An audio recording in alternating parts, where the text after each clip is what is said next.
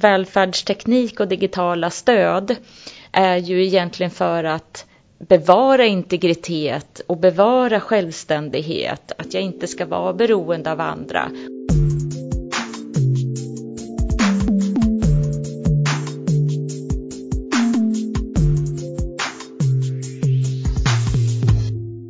Hej och välkommen till FoI-podden.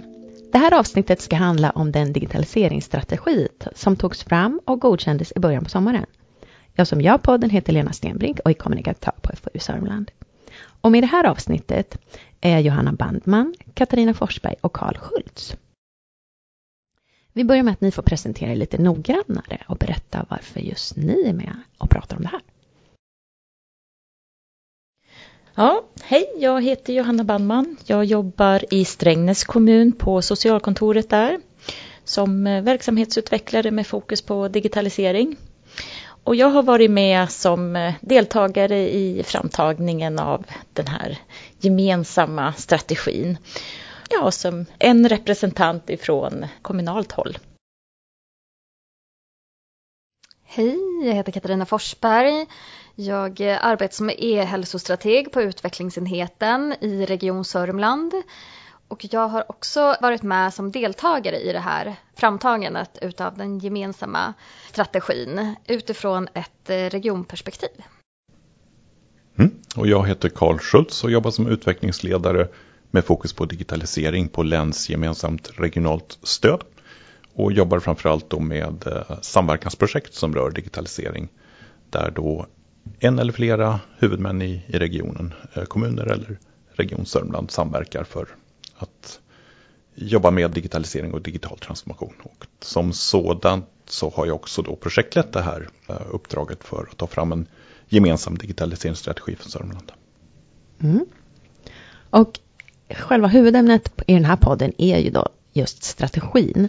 Men jag tänkte om vi börjar med att ni får berätta vad egentligen digitalisering är. För man hör ju så många ord, till exempel e-hälsa och ja, alla de här olika termerna. Så kan ni förklara? Ja, digitalisering är ju så här modeord som används på många områden. Men det handlar ju om verksamhetsutveckling med stöd av teknik. Men jag skulle också vilja lägga till att det finns ingen teknik som ensamt räddar oss, utan det handlar om att ställa om våra arbetssätt och våra sätt att tänka, hur vi levererar ja, offentliga tjänster helt enkelt. Så med hjälp och stöd av teknik så kan vi räcka till till flera helt enkelt. Men digitalisering i sig är ju inte liksom självändamålet utan nya arbetssätt med stöd av teknik. Jag vill bara betona det Johanna säger här kring verksamhetsutveckling. För jag tror att många kanske tänker sig digitalisering eh, att man plockar in teknik i befintliga arbetssätt och för att stötta befintliga arbetssätt och kanske effektivisera befintliga arbetssätt. Och det är så mycket av digitaliseringen har gått till hittills. Men om man då pratar digitalisering eller kanske digital transformation har åtminstone varit ett sånt där uttryck som man har jobbat med under några år nu för att kanske särskilja att det inte handlar om att jobba med eh, enligt traditionella metoder med hjälp av ny teknik utan precis som Johanna säger så handlar det här i första hand om verksamhetsutveckling att vi måste jobba på nya sätt med stöd av ny teknik för att uppnå de vinster som man kan få till stånd med hjälp av, digitaliseringen. Ja, men jag kan egentligen bara instämma och jag arbetar ju med e-hälsa i regionen och det är ju lätt att hamna i de här begreppsdefinitionerna kring vad det är men det är också viktigt att landa ut att vi har en gemensam syn kring vad vi pratar om när vi pratar om digitalisering. Och eh, om man ser till Socialstyrelsens definition av e-hälsa så säger de just det här att det handlar om verktyg för att bidra till verksamhetsutveckling. Så jag instämmer i både det Karl och eh, Johanna säger om att eh, digitalisering är inget självändamål i sig utan en metod för verksamhetsutveckling. Och sen är väl de här uttrycken också, precis som du säger Katarina, de är inte självklara, de definieras lite på olika sätt och är också överlappande med varandra. Så e-hälsa i din värld kanske är digitalisering i min och så vidare. vad kommer det sig att digitalisering är så viktig nu då? Vad behövs det för? Ja, dels så har vi ju den kanske stora drivkraften som har varit de senaste åren. Det är att vi pratar om det här, åtminstone inom äldreomsorg så har vi ju den här demografiska utmaningen som man har pratat om kanske ja, åtminstone tio år nu. Där vi ser att det kommer en puckel i antalet äldre äldre kan vi säga då, som ökar kraftigt. Medan antalet yngre i arbetsför ålder inte ökar i alls lika hög utsträckning. Eh, jag tänker på eh, SKRs hemsida kan man se där att vi kommer vara färre helt enkelt, kanske 75 procent av befintlig styrka som ska räcka till till betydligt flera och framförallt äldre då. Men det är ju flera i samhället också, alltså vårdtyngd som ökar i och med att vi blir äldre. Men också sociala utmaningar som gör att fler behöver kommunala tjänster och insatser. Så att eh, om man tänker att varje medarbetare ska räcka till, om man har tio stycken idag så ska man ha tretton imorgon och kanske med färre resurser. Det betyder att vi behöver börja arbeta på nya sätt. Dels genom att leverera tillsammans. Att vi har ett offentligt ansvar. Men vem som gör vad kanske kommer att variera över tid. Och dessutom att en person ska räcka till till flera brukare, patienter, medborgare, invånare. Så vi måste öka självständigheten, vi måste korta ner administrativ tid för att verkligen räcka till till fler människor. Men eh, som jag har förstått så är det 1,6 miljoner som faktiskt riskerar att inte få sina rättigheter tillgodosedda om vi inte gör någonting. Så att det är ju väldigt angeläget att digitalisera våra verksamheter. Och jag skulle också vilja lägga till att om vi kollar utifrån en hälso och sjukvårdskontext, men också vård och omsorg, så har vi ett samhälle som drivs utav en digital utveckling i ganska hög fart. Så jag skulle nog nästan våga säga att vi måste ta det ansvaret att eh, faktiskt nyttja digitaliseringen för att anpassa oss efter de behov som finns, men också för att förebygga utanförskapet och för att effektivisera och förbättra våra processer om vi nu ska räcka till till de eh, krav och behov som finns ute i samhället. Man kan ju dra en sån där i och för sig lite förenklad parallell då med hur bankväsendet digitaliserades för 20, snart 30 år sedan. Där man som bankkund idag tar för givet att man får sina behov tillgodosedda 24 timmar om dygnet oavsett var man befinner sig. Det är väl då inte kanske möjligt eller önsk ens önskvärt inom vård och omsorg. Men eh, det, jag tror att vi måste börja tänka åt det hållet. Att det handlar inte bara om att kunna utföra de, eh, den vård och omsorg vi har idag utan också kunna utveckla vård och omsorg efter de behov som medborgarna och krav som medborgarna kan ställa på ett digitaliserat samhälle. Sen skulle jag vilja bara vilja tillägga då utifrån den här diskussionen kring den demografiska utmaningen och klara av framtidens vård och omsorg. Även om vi hade oändligt med resurser så skulle det inte vara möjligt att tillgodose dem med antal människor som i arbetsför ålder. Alltså kompetensen räcker inte till. Även om vi kunde anställa alla gymnasieungdomar till bara vård och omsorg. Va? Eh, så skulle vi ändå behöva tänka på ett nytt sätt för att eh, tillgodose de behov som medborgarna har.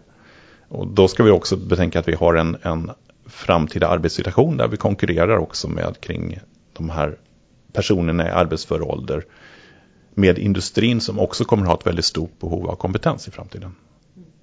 Så det här man hör ibland kanske från politiskt håll att vi måste ha fler händer och fötter ute i vård och omsorg. Eh, det kanske vi skulle behöva men det är inte möjligt att klara av det uppdraget utan vi måste jobba på nya och mer effektiva sätt. Och frigöra resurser i vård och omsorg till där de verkligen mest behövs. Och då kan digitaliseringen vara ett verktyg där. Ja, men jag tror också att vi pratar ju mycket om eh, ja, men nära vård, att vi ska arbeta mer personcentrerat eh, och göra våra invånare och patienter mer delaktiga i både hälso och sjukvården och vård och omsorgen. Och med hjälp av digitaliseringen så kan vi också ge dem mer information genom informationsdelning. Så jag tror att eh, digitaliseringen verkligen är en bidragande faktor till att våra invånare och medborgare och patienter och anhöriga kan eh, bli mer ja, delaktiga utifrån att vi faktiskt kan dela med oss av den informationen som vi besitter från offentlig sektor.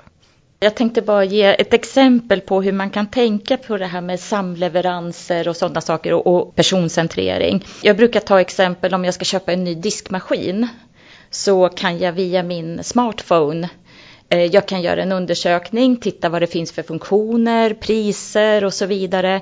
Jag kan beställa och betala. Jag får maskinen hemkörd, installerad och dessutom den gamla bortkörd. Och det här är ju flera olika leverantörer. Det är betaltjänster, det är tillverkare, det är grossister och företag som liksom transporterar och dessutom ja, en montör helt enkelt. De har ju hittat en effektiv leverans som för mig som kund går extremt snabbt och enkelt att få tillgodosedd. Det är korta ledtider och jag behöver inte bry mig vi behöver ju titta på hur har man lyckats med den här typen av samleveranser och hur kan vi, alltså kommuner och region och andra statliga myndigheter, hur kan vi effektivare möta upp det här ökade behovet helt enkelt. Mm. Om vi ska då gå tillbaka till strategin som ni har tagit fram. Vad är syftet med den egentligen? Alltså ett syfte är ju, och kanske det viktigaste, det är ju att lägga en gemensam grund för digitaliseringen i länet. Att hitta en gemensam inriktning för digitaliseringsarbetet. Eh, det här digitaliseringsarbetet och den här verksamhetsomställningen vi har pratat om nu, det är ju någonting som är ganska komplext ändå eh, och något som kan vara svårt att genomföra för en enskild kommun till exempel i ökande utsträckning så sker ju uppdragen som vi utför gentemot medborgarna i samverkan mellan flera olika huvudmän. Det kan vara region och kommun tillsammans eller man kanske också samverkar flera kommuner kring att ge en specifik service. Och då behöver vi också ha en gemensam strategi för digitaliseringen i länet. Eh, även om varje huvudman också naturligtvis måste genomföra ett, ett eget arbete. Så syftet med strategin är framför allt att lägga en gemensam grund för digitaliseringsarbetet i samverkansprojekt. Sen kan det också vara naturligtvis då en vägledning för när man tar fram digitaliseringsstrategin hos respektive huvudman. Ja, för oss i Strängnäs, nu har ju jag haft förmånen att få vara med, men det här är ju ett dokument som vi ser liksom lierar både med den kravställning vi har nationellt ifrån men också bryta ner det här i våran handlingsplan för kommande utvecklingsprojekt. Så hela våran portfölj tar ju styrning av det här och de länsgemensamma projekt som ska implementeras nu de närmsta åren. Och då är det ju både Cosmic Link till exempel och gemensamt eh, verksamhetssystem och så vidare. Och det här handlar ju om att balansera vår lokala utveckling med både regional och nationell styrning. Så att det här är ju liksom ett hjälpmedel för oss, hur vi ska tänka och hur vi ska lägga upp liksom de lokala planerna, precis som Karl säger. Och jag kan egentligen också bara instämma i det. Det blir ju som en kompass egentligen för vad det är vi har för gemensamma eh, nämnare egentligen mellan kommuner och regioner i Sörmland. Och vi har ju mycket nationella initiativ där vi behöver hjälpas åt över huvudmannagränserna. Vi vet att infrastrukturen blir allt mer viktig för oss för att dela information. Så det blir verkligen ett bra redskap i att kunna hitta de här gemensamma nämnarna för att ta oss framåt. Eh, kanske i lite snabbare takt också tänker jag mig. Mm. Och ni som har tagit fram den här nu, ni är representanter både från kommuner och region länsgemensamt regionalt stöd. FO i Sörmland, Anna Åkerberg från oss, eller härifrån, har ju varit med också. Är det fler personer som har varit med? Alltså det här arbetet inleddes ju för, ja det var snart två år sedan. Va? Eh, Och då hade vi en väldigt stor grupp med representanter från samtliga kommuner och i flera fall så har ett par representanter från varje kommun och från regionen. Så det blev en väldigt stor grupp eh, människor som arbetade med det här. Och vi kom fram till ganska snabbt, det kunde man kanske tänkt från början, eh, att det här var lite för stor grupp för att komma igång med arbetet. Vi satt i naturligtvis digitala möten tillsammans och försökte hitta någon slags gemensam grund och det tog tid. Så efter ett antal möten så kom vi på att vi måste skala ner det här så vi har en en mindre men mer effektiv arbetsgrupp som jobbar fram förslag och sen så använder vi den större gruppen eh, som referensgrupp för de här förslagen då, som får tycka till. Så det var så vi arbetade fram den här strategin. Eh, och då har vi varit precis den här gruppen som du nämnde, plus då Mikael Olander från Katrineholms kommun. Så vi har haft representation både från kommun, från region och från eh, oss på länsgemensamt regionalt stöd och Anna Åkerberg då från FoU Sörmland.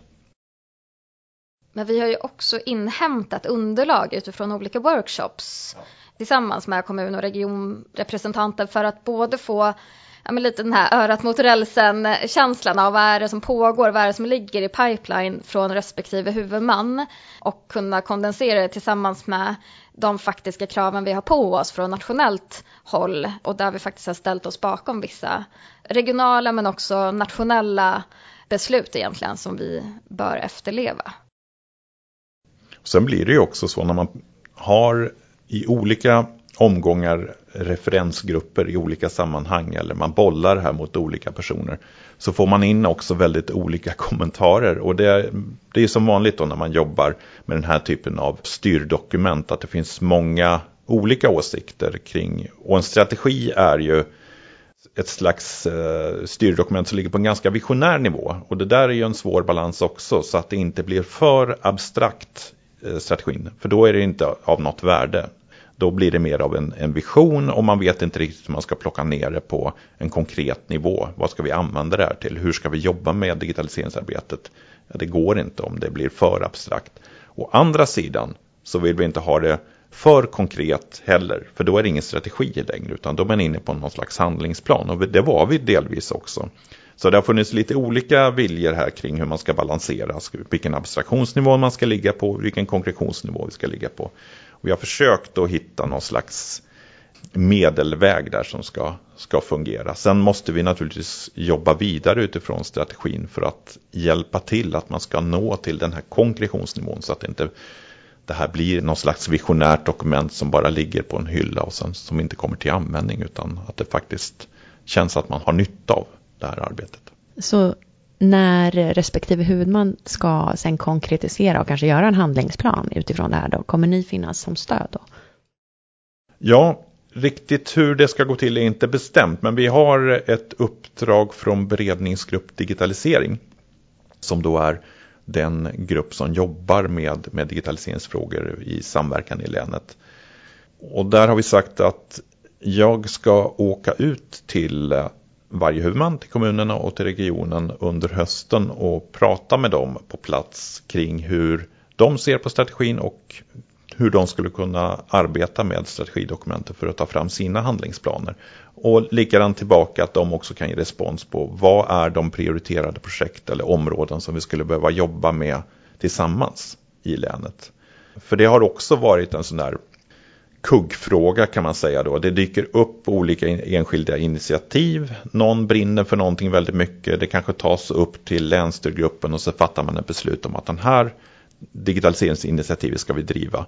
Vilket är jättebra, men eh, det finns väldigt mycket som man skulle behöva jobba med och man skulle behöva göra någon form av prioriteringsordning bland de här projekten eller initiativen. Och då kan strategin vara till hjälp där och också eh, de här dialogerna vi ska ha med respektive huvudman. Där man då kan komma med förslag på vad man själv tycker är viktigt att vi ska driva gemensamt. Då. Mm. Så man skulle kunna säga att eh, de som ska läsa strategin, det är ganska högt upp i ledningsgrupper, det är inte varje medarbetare, eller hur är det tänkt? Vem är den för? Ja, kanske inte varje medarbetare, men jag hoppas inte den stannar på bara ledningsnivå, även om jag hoppas att ledningen läser strategin. Så eh, jag kan tänka mig att, eh, ja men som Johanna här till exempel, på verksamhetsutvecklingsnivå så är den högst relevant för att komma vidare. Precis, eh, jag tycker det du säger är jätteviktigt Karl, för att eh, strategin blir en dammsamlare om den inte används och efterlevs. Och eh, jag tyckte det var tydligt i början också av projektet att alla kommunerna sa att vi måste koppla en handlingsplan till det här. Och ena sidan skulle den finnas med i strategin eller läggas utanför. Men jag tror att det har kommit fram till ett klokt beslut att det är en strategi som vi kopplar handlingsplanerna till. Och precis som jag berättade här i Strängnäs, nu har vi ju tagit ett beslut kring hela socialkontorets portfölj som tar sikte mot den här strategin för att vi ska hänga med de länsgemensamma projekten men också balansera det med liksom lokala utvecklingsbehov. Och här blir det ju jätteviktigt då, framförallt, ja men jag tänker länsstyrgruppen är väl kanske de som tar de här besluten om när projekten ska drivas och så vidare. Och då är det viktigt att våra chefer och ledare har underlaget. Hur ser det ut för mig lokalt? När i tiden har vi resurser att avsätta och så vidare. För att de ska ju kunna mäta och följa upp att vi når de här visionen och, och målen. Så att vi måste ju kunna göra en tydlig och mätbar förflyttning i den här resan. Ja, men jag tror också att det kan vara viktigt att ja, men nyttja det här som ett underlag för att kunna styra rätt och planera sin löpande verksamhet och projekt. Och ofta så behöver vi ju takta mellan de olika huvudmännen för att uppnå de effektmålen vi vill ha och den faktiska nyttan med att implementera nya verktyg med hjälp av ja, digitalisering. Och då är det ju eh, ja, viktigt att man har kännedom om den här strategin på olika nivåer, inte bara på ledningshåll utan faktiskt de som kanske driver projekt i organisationerna också. Så det är nog viktigt att vi har kunskap om den på olika nivåer. I den här digitaliseringsstrategin så finns det ju ett antal fokusområden. Kan ni berätta lite om dem? Ja, de här fokusområdena då, det är ju till för att sätta belysning på viktiga områden som man behöver fokusera på i den här digitala omställningen. Och det är inte bara teknikfrågor, även om infrastruktur då finns med som ett fokusområde, där det naturligtvis är viktigt att ha den här tekniska plattformen på plats. Att alla ska ha exempelvis då tillgång till en god uppkoppling, annars kommer det här inte fungera. Men också naturligtvis organisationsinternt, att det måste finnas en organisation som kan handha den här nya tekniken. Så det är ett av de här fokusområdena. Sen har vi ledning, vi har innovation, vi har kompetens och trygghet.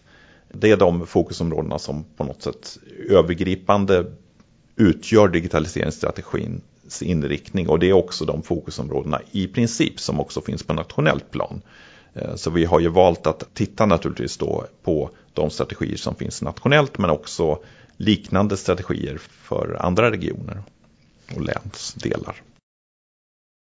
Ja, och här i Sörmland finns det ju en strategi också för infrastrukturen och det är ju ett beroende som vi har. Men som Karl säger, den här omvärlds Spaningen som faktiskt är gjord som underlag också för den framtagna strategin är ju en grund till att vi faktiskt ska klara vår målsättning också att räcka till till fler.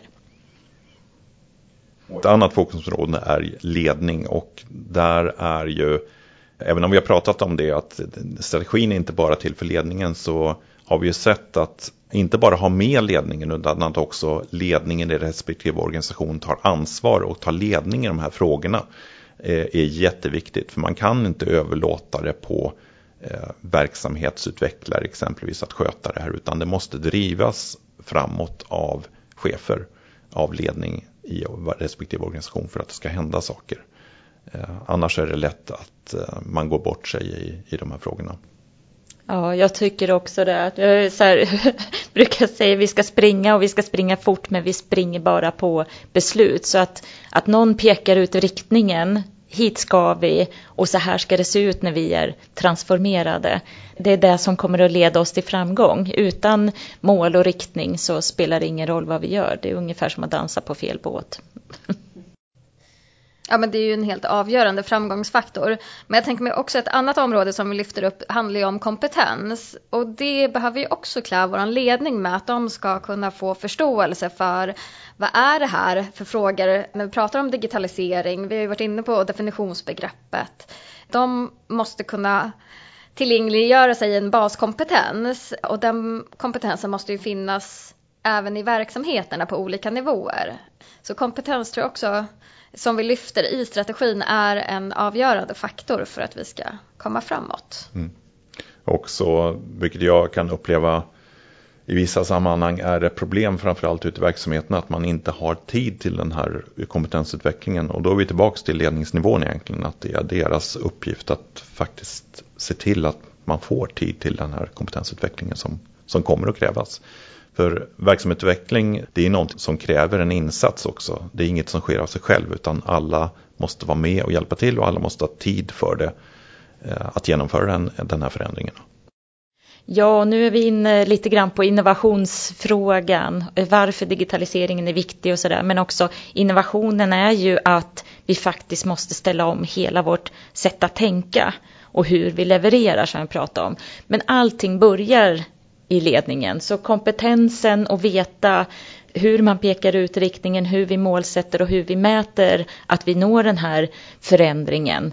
Men kompetensen kanske ligger i att, ja men hur ser vi ut när vi är transformerade? Hur är det att vara medborgare eller invånare i Sörmland när vi har gjort den här digitala transformationen? Hur är det att leva och bo och verka här då? Så, så jag tror liksom både eh, ja, kompetensen att driva de här förändringarna, alltså innovationen. Vi behöver ju alliera oss med andra på helt nya sätt också. Så att det, det sitter ihop. Alla de här fokusområdena klarar sig inte utan varandra utan det finns någonting som håller ihop det här. Men de är beroende av varandra. Och lite det kittet som håller ihop dem egentligen blir det här T på slutet i likt, det vill säga tryggheten. Att vi skapar en trygghet där man kan lita på våra digitala system, där användaren oavsett om den finns internt i våra organisationer eller som användare ute i samhället, som invånare eller patient eller anhörig också känner den här tryggheten till de digitala verktyg som vi erbjuder. Ja, och jag tänker också att det här är på något sätt kärnan i det vi gör för om vi ska lyckas. Eh, och det känner väl alla till som har varit med i någon form av förändringsarbete och inte minst när det handlar om digitalisering. Att om det inte görs på rätt sätt, där man har med sig medarbetarna, där medarbetarna förstår varför man gör den här förändringen, då blir det inte lätt. Och jag har varit med om så många gånger att man har suttit ute i verksamheterna när man kommer som projektledare man tycker att det här är, det är ett otroligt viktigt projekt, nu måste vi jobba med det här och man tänker att alla kommer att förstå det här och alla kommer att vara med på tåget så att säga.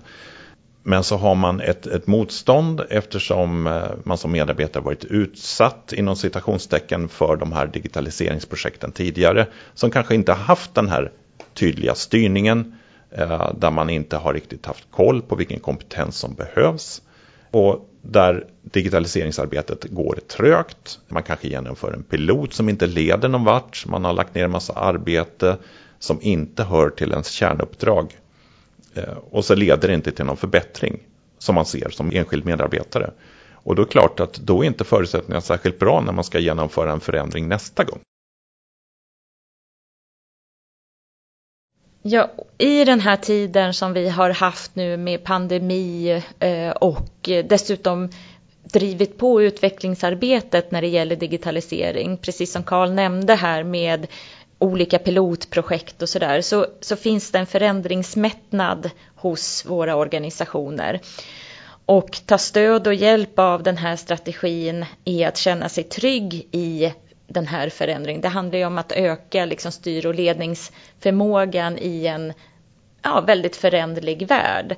Så man ska ju kunna ta emot de här förändringarna för att vi ska få den nytta och den effekt som initiativen avser.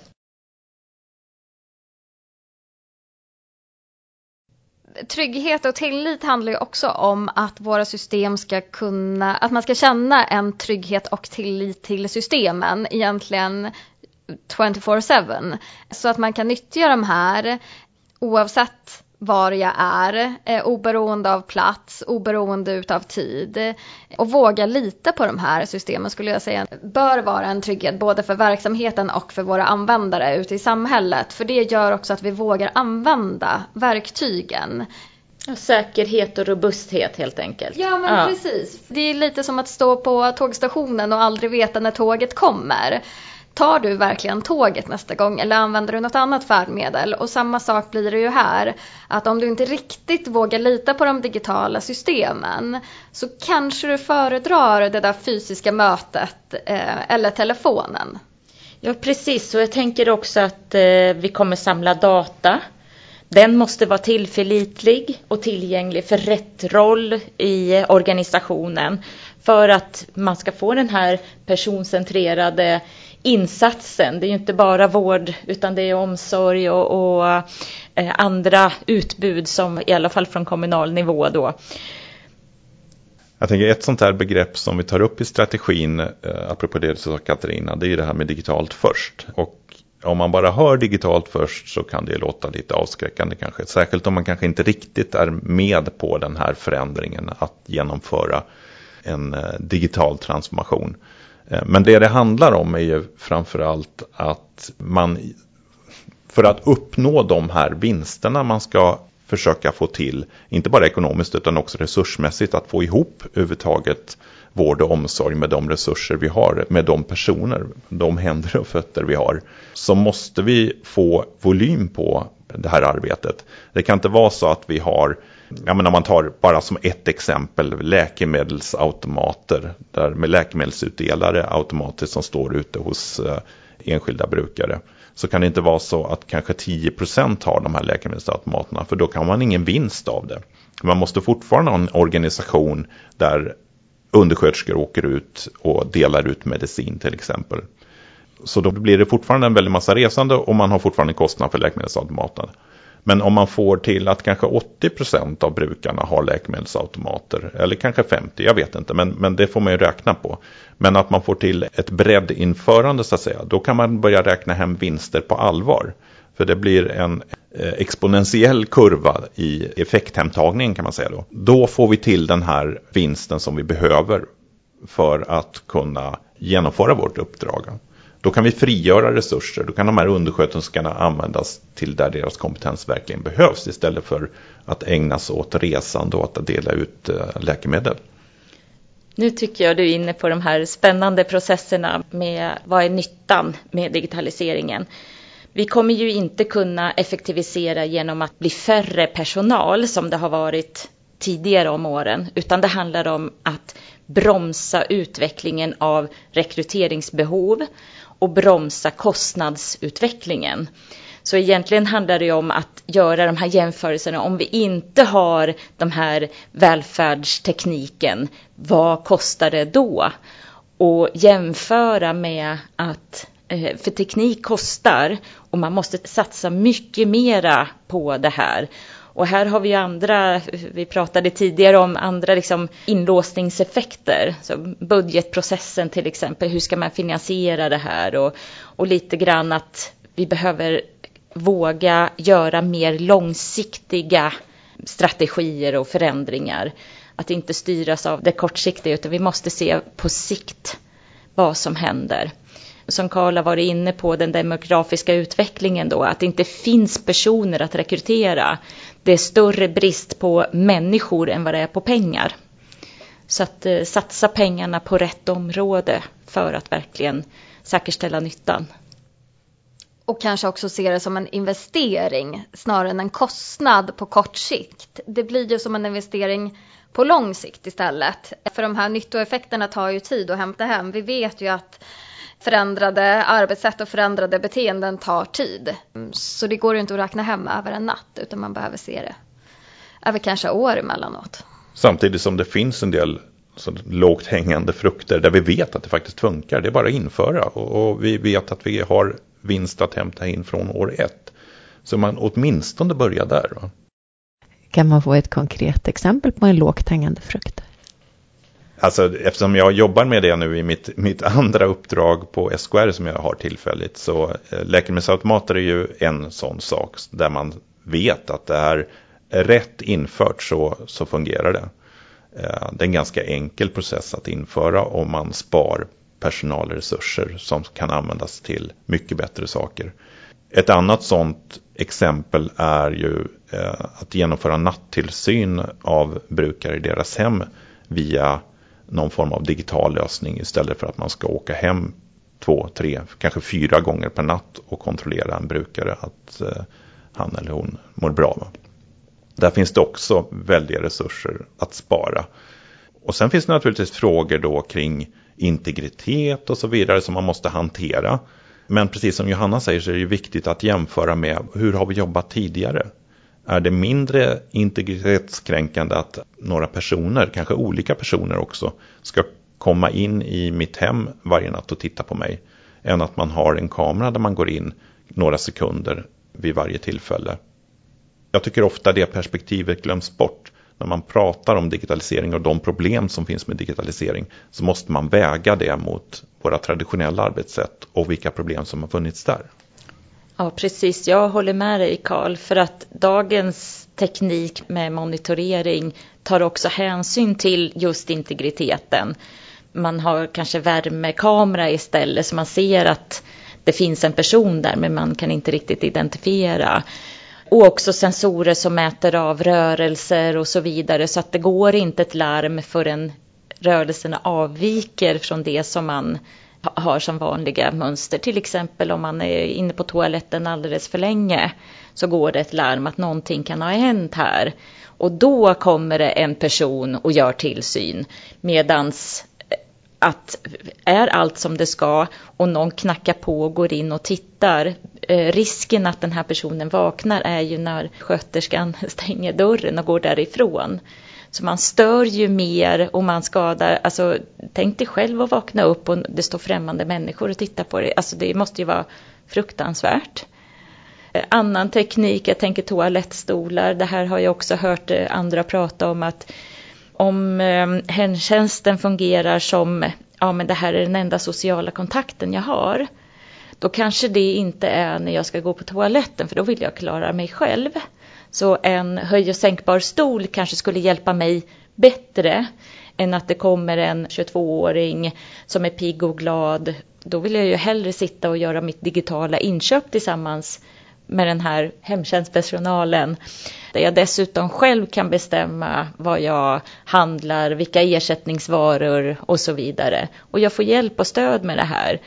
Så att välfärdsteknik och digitala stöd är ju egentligen för att bevara integritet och bevara självständighet, att jag inte ska vara beroende av andra. Och den tid som jag vill ha liksom socialt, det finns det också mer digitala stöd. Ja, vi pratade om resor förut, att vi kanske inte reser lika mycket. Nej, men vi kan ändå ha videosamtal både med anhöriga tillsammans med sjuksköterskan och så vidare. Så att jag tror att vi kan spara in både resor, det spar både på miljön, ekonomin och vi räcker till till flera om vi minskar antalet resor. Och det är väl det vi trycker på i strategin också, just det här digitalt först, fysiskt när det behövs. Att lyfta fram att det faktiskt finns andra verktyg än bara de här fysiska eller analoga arbetssätten. Här ger vi också en möjlighet till ytterligare redskap men det är inte ett måste utan eh, man har också möjlighet att eh, delta i de här besluten, tänker mig, som invånare och patient eller anhörig. Själva strategidokumentet, det har ju vi på FoU Sörmlands hemsida, så det kan vi lägga en länk till. Men om man vill veta mer om digitalisering eller arbetet med det, har ni några förslag på var man kan hitta det? Ja, man får ju väldigt gärna kontakta oss, tänker jag. Det, det är väl jätteviktigt. Om vi nu har tagit fram ett strategidokument då vill vi ju ha en, en dialog kring det om man har frågor kring hur man ska hantera det och så. Det har vi redan nämnt då, men, men eh, tanken är att vi ska göra en liten turné och också samordna det med nära vårdprojektet där min kollega Matilda Gränsmark då samordnar det projektet. Så från hösten så tänker vi att vi kanske ska göra en gemensam insats där.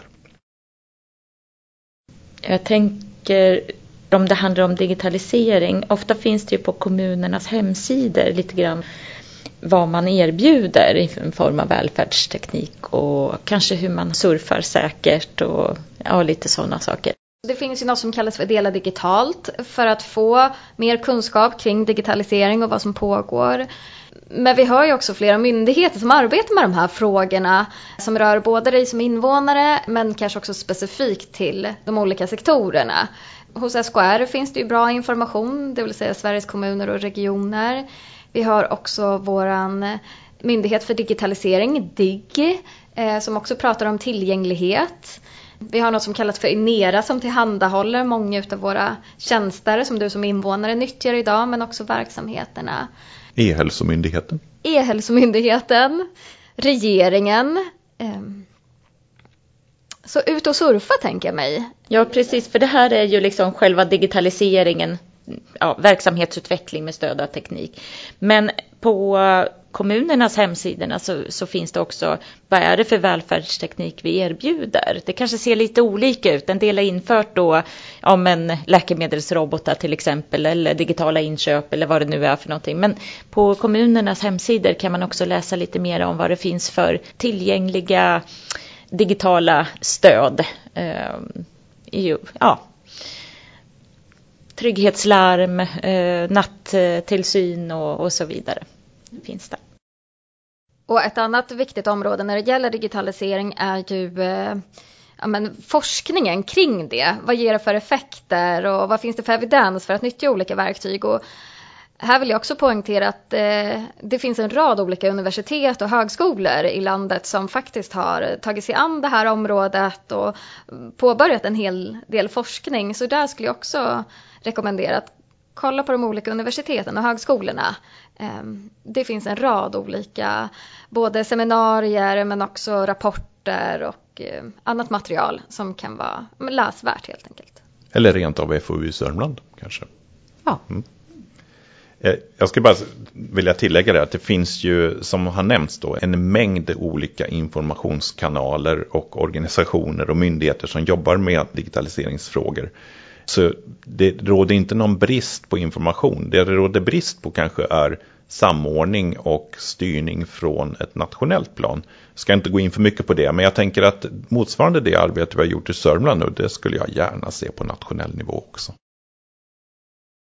Ja, känner ni er nöjda eller är det något annat ni vill tillägga? Ja, men kanske bara ett stort tack till alla som har deltagit.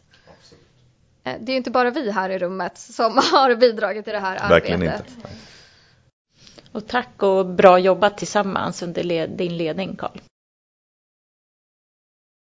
Då fortsätter vi tackandet så säger jag tack till er som har varit med i den här podden. Tack, tack. Tack, Tack. så mycket. Och till dig som har lyssnat så vill jag förstås säga tack för att du har lyssnat och hoppas att du har en toppenfin dag. Hej då!